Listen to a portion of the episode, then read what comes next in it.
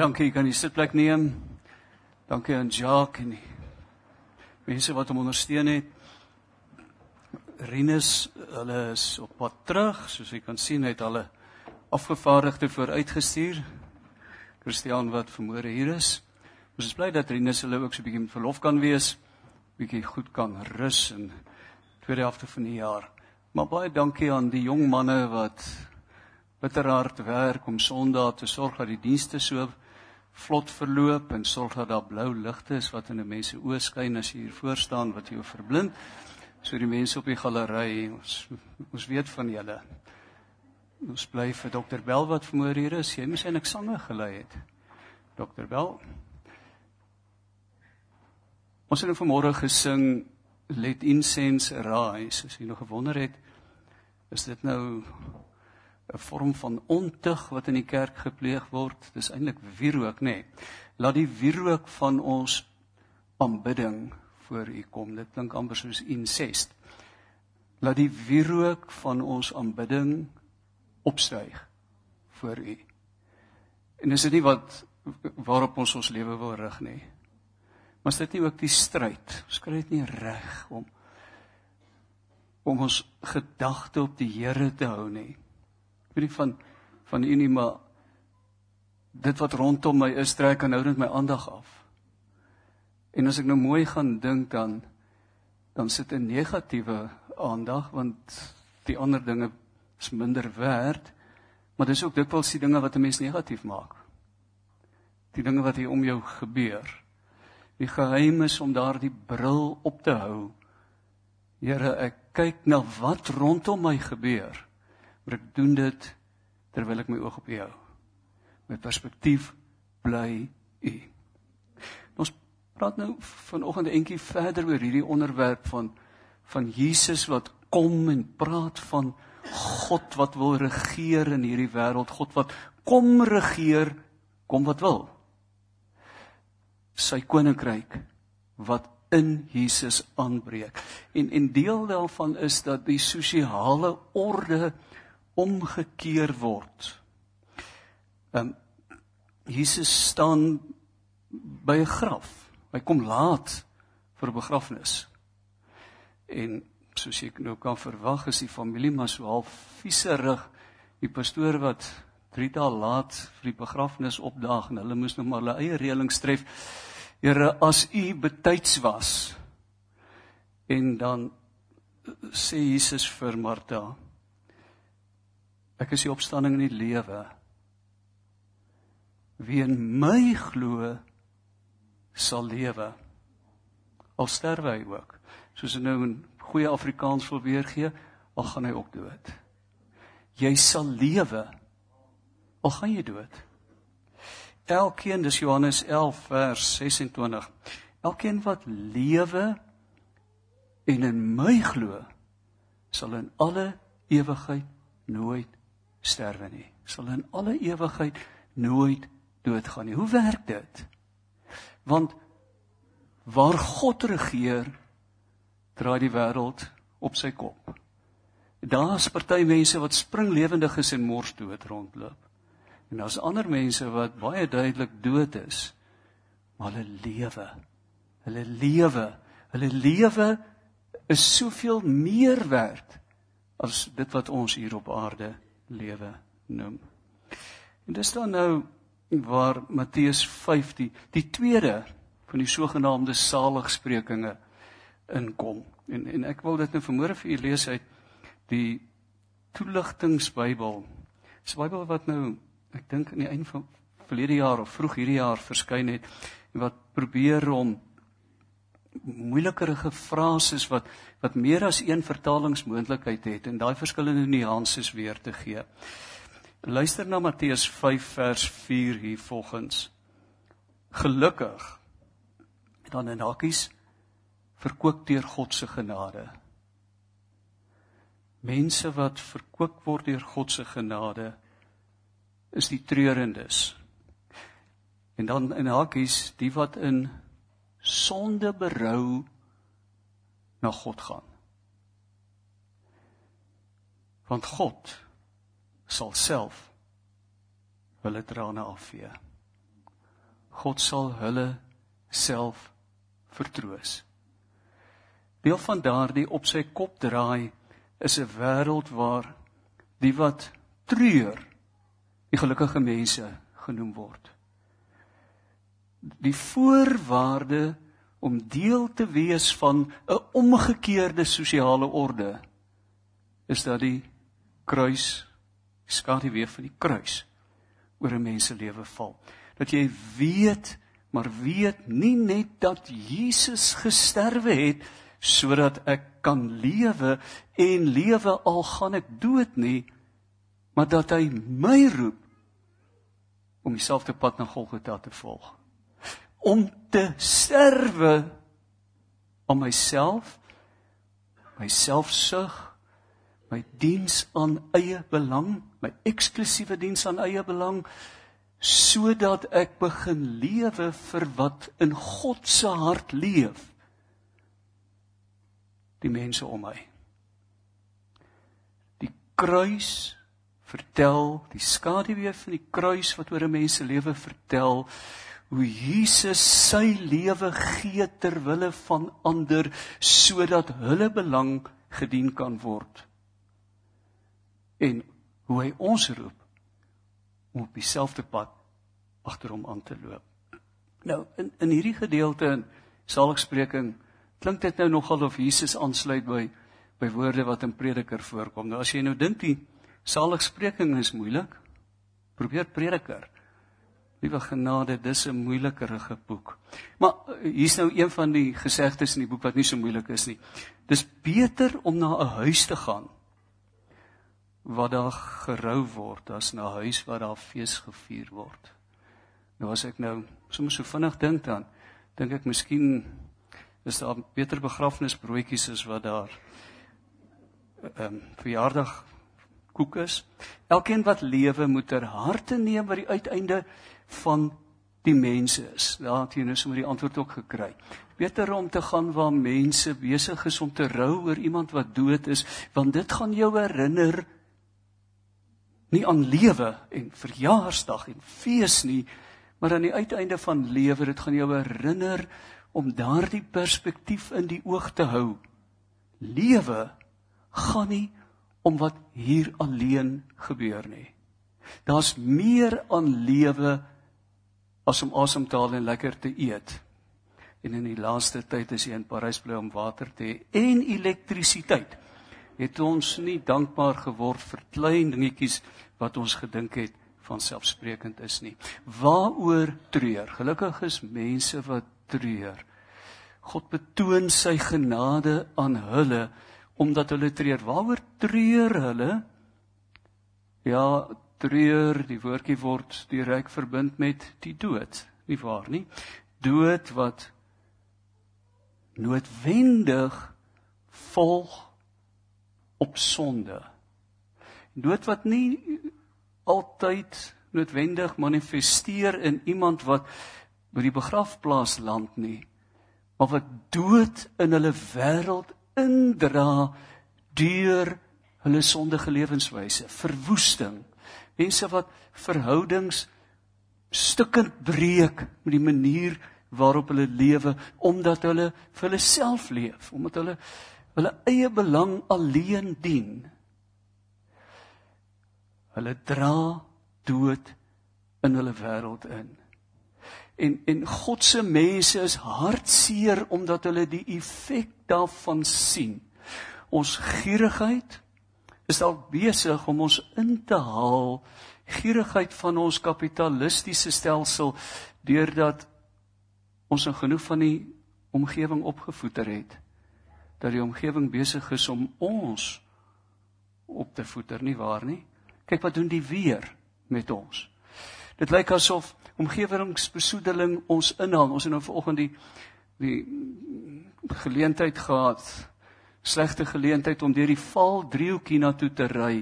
Die enorme winterlugbesoedeling wat die val driehoek is. Ons vernietig die wêreld wat ons moet onderhou. En dit gaan vir ons een of ander tyd inhaal. Waaroor treur ons? Ons treur omdat rebellie deel van ons wese geword het. En ons sien dit nie net in ander mense nie, daardie selfsug sien ons ook in ons eie lewe. Ons ons treur omdat ons die gevolge daarvan in mense se lewens sien, die verwoesting van verhoudings. En ons treur oor gierigheid wat sommige tot armoede laat neerdal en ander bevoordeel. Paulus skryf in in sy lied oor liefde onder andere die woorde 2 Korinte 1 Korintiërs 13 vers 6 die liefde treur oor die onreg wat plaasvind juig as die waarheid seëvier Christene is mense wat deur hierdie wêreld gaan en wat raak sien wat die wese van menswees noodwendig impliseer dat ons opstandige rebelle teen God is. Gegee die beste van omstandighede dat ons mekaar in die proses daardeur benadeel. Wat is die voorwaarde dat ons sal treur? Dat ons nie in hierdie wêreld tuiskom nie. Dat ons nie in hierdie wêreld so gewoond daaraan raak om mens te wees dat ons die waardes hoe breek 'n mens hierdie ding se nek soos party mense wat jy moeilik in die hande kry dat jy nie in hierdie wêreld tuis kom en die waardes van hierdie wêreld jou eie maak nie ek dink dit is 'n dis krities belangrike saak hierdie ding dat dat 'n mens sal raak sien Christene mag nooit tuis in ons wêreld word nie. Want as ons eers tuis ge dan keer ons daardie sosiale orde weer 'n keer om. En dan word die sosiale orde van hierdie wêreld ons orde. Wat sal volg wanneer ons treur? Wat sal volg wanneer ons doen wat Jakobus 4 sê? Luister hoe kleur Johannes eh, Jakobus hierdie woorde van Jesus in. Hy sê: "Trane moet wys julle is jammer oor die verkeerde goed wat julle aangevang het. Treur en huil, Jakobus 4. Treur en huil, julle gelag moet in droefheid verander." Julle blydskap in bedruktheid val voor die Here neer en wys dat julle van hom afhanklik is en hy sal julle optel en aan julle aansien gee. En dan sluit Jakobus sommer aan by die vorige, die eerste saligspreking. Gelukkig is mense wat wat weet hoe nodig hulle God het, hoe afhanklik hulle van God is. Want God kan in hulle lewe iets doen. Hy kan in hulle lewe kom regeer. Hy kan deur hulle lewe sy wil kom doen. Dit begin waar ek sê hierdie wêreld is nie my tuiste nie. Nou die die bekende woorde van Tosius. Hierdie wêreld is nie die plek waar my hart lê nie. My hart lê op 'n ander plek en daarom leef ek vir ander waardes. En wat sal gebeur wanneer ons dit doen? Jesus sê God sal self die trane van ons oë afvee. Want die dood sal ons ook inhaal, maar die dood sal ons nie oorwin nie. Ja, die gevaar van die dood sal altyd daar wees terwyl ek lewe voor ek sterwe dat dat my gedrag tot dood aanleiding kan gee, maar as ek my afhanklikheid van die Here besef, dan sal ek in die oorwinning van die opstanding leef. Die opstanding wat dan ook die uiteindelike dood wat my pad noodwendig langs gaan kom gaan bepaal. Ek sal sterwe, maar ek sal aanhou lewe. Want Jesus was dood en is opgewek en ons daad van dood gaan word ons daad van opgeneem word in die lewe van Christus. Daarom hierdie belangrike boodskap wat Matteus 5 vers 4 ook inhou. Daarom, liewe broers en susters, dit kom uit 1 Tessalonisense 4 vers 13. Ons wil nie hê dat julle in onkunde sal verkeer oor die dooies nie. Dan sal julle nie soos ander mense sonder 'n lewensvooruitsig treur nie. Want as ons glo dat Jesus gesterf en opgestaan het, moet ons ook glo dat God die mense wat gesterf het terwyl hulle in Jesus glo, saam met Jesus sal terugbring. Ons troos terwyl die dood rondom ons toeslaan. Ons troos lê daarin dat ons sê ons groet vir 'n rukkie. Ons neem afskeid, ons verlang. Ons het heimwee. Hier sit mense in die kerk vanmôre wat daardie heimwee eerstaans beleef van van 'n lewensmaat of 'n kind of 'n ouer wat gesterf het. Daardie verlange na is daar. Ons ontken dit nie. Maar ons troos lê daarin dis tydelik. Dis tydelik. Ons kyk deur God se oë na ons wêreld en daarom kyk ons anders na lewe en kyk ons anders na dood. Daarom is ons hartseer as ons lewe rondom ons sien. En ons is getroos wanneer dood in ons eie gesinne kom. Want ek weet die wat sterf in die Here gaan na die Here. En wanneer Jesus terugkom, kom hulle saam met hom. Hoekom moet hulle hoekom moet hulle saam met hom kom? Want ons tuiste is nie die hemel nie, maar die nuwe aarde. Kom die hemel, die nuwe Jerusalem dan nie tog aarde toe en God maak hierdie aarde nuut en dit word 'n tuiste waar God self woon, waar hy in beheer is.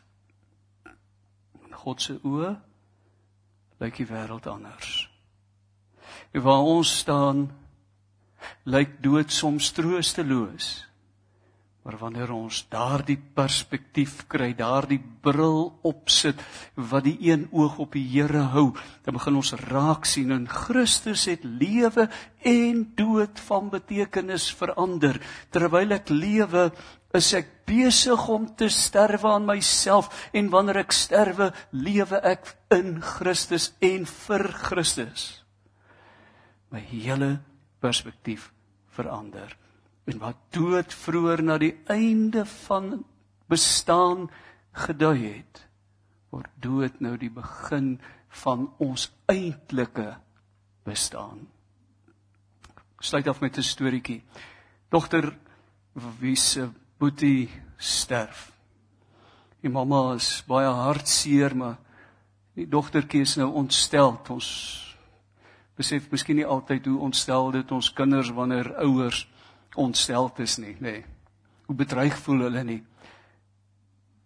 En mamma troos dogtertjie deur te sê jy moet is by die Here. Ons is getroos omdat ons weet Boetie is by die Here. Paar dae later hoor dogter hoe mamma vir haar vriendin vertel sy so hartseer. Dis was so swaar om 'n kind te verloor. Agterna kom sy by haar mamma en sê: "Ma, as 'n mens weet waar iets is, het jy dit verloor?" Mamma sê: "Nee, hoekom?" Sy sê: "Maar hoekom is jy hartseer omdat jy boetie verloor het? Want jy weet mos waar sy. Jy weet mos waar sy. Ons troos lê daarin ons weet waar ons geliefdes is." En ek weet van 'n paar geliefdes wat ek aan die dood afgestaan het wat veel eerder wil wees as waar hulle is, as waar hulle wat ek graag sou wou hê hulle moet wees saam met my. Troos 'n woord van bemoediging. Lewe en dood lyk anders. Dawid het hierdie verhouding met 'n vrou waarop God se se seun nie rus nie en hulle kind sterf. En Dawid troos hierdie vrou wat se baan hy sê van sy seun, hy kan nie na my toe kom nie. Maar ek is op pad na hom. Ek is op pad na hom. Ek sluit af. Jesus sê, gelukkig is mense wat in hierdie wêreld treur. Beteken hulle loop heeldag rou kleed rond nie, maar dit beteken dat hulle weet hierdie wêreld is is nie waar my hart lê nie. Dis nie my eintlike tuiste nie. Ek is op pad na na 'n ander, 'n beter wêreld. En op pad soontoe het ek my hart aan die Here uitverkoop. Dit beteken dat terwyl ek lewe, ek sterwe aan myself En wanneer ek sterwe, dan lewe ek in die Here. Is dit nie 'n wonderlike evangelie nie? 'n Stuk goeie nuus wat vertel daar wag iets beter. Daar iets beter wat wag. Is nie deur ver iewers in die verskiet nie. Dis nader as wat ons dink. Amen. Kom ons bid saam. Hemelvader, Baie dankie. Dankie vir soveel van die wonderlike beloftes wat U vir ons gee. Baie dankie dat ons ook mag weet, Here, in Christus het daar lewe aangebreek. En dis 'n lewe wat so verder gaan as as wat hierdie wêreld vir ons kan bied. Leer ons om in daardie nuwe lewe binne die grense van daardie nuwe lewe ons bestaan in te rig doelgerig daarop ingestel om te doen wat u wil hê ons moet doen. Met ons vir onsself die gevolgtrekking gemaak het. Solank ek in hierdie wêreld doen wat ek wil draak by nie net om die wêreld stukkend te maak nie maar om my eie lewe en die mense om my stukkend te maak. Maar is eers wanneer u regeer. Dis wanneer u wil deur my lewe gebeur dat my lewe die impak maak wat die koninkryk beteken. Amen.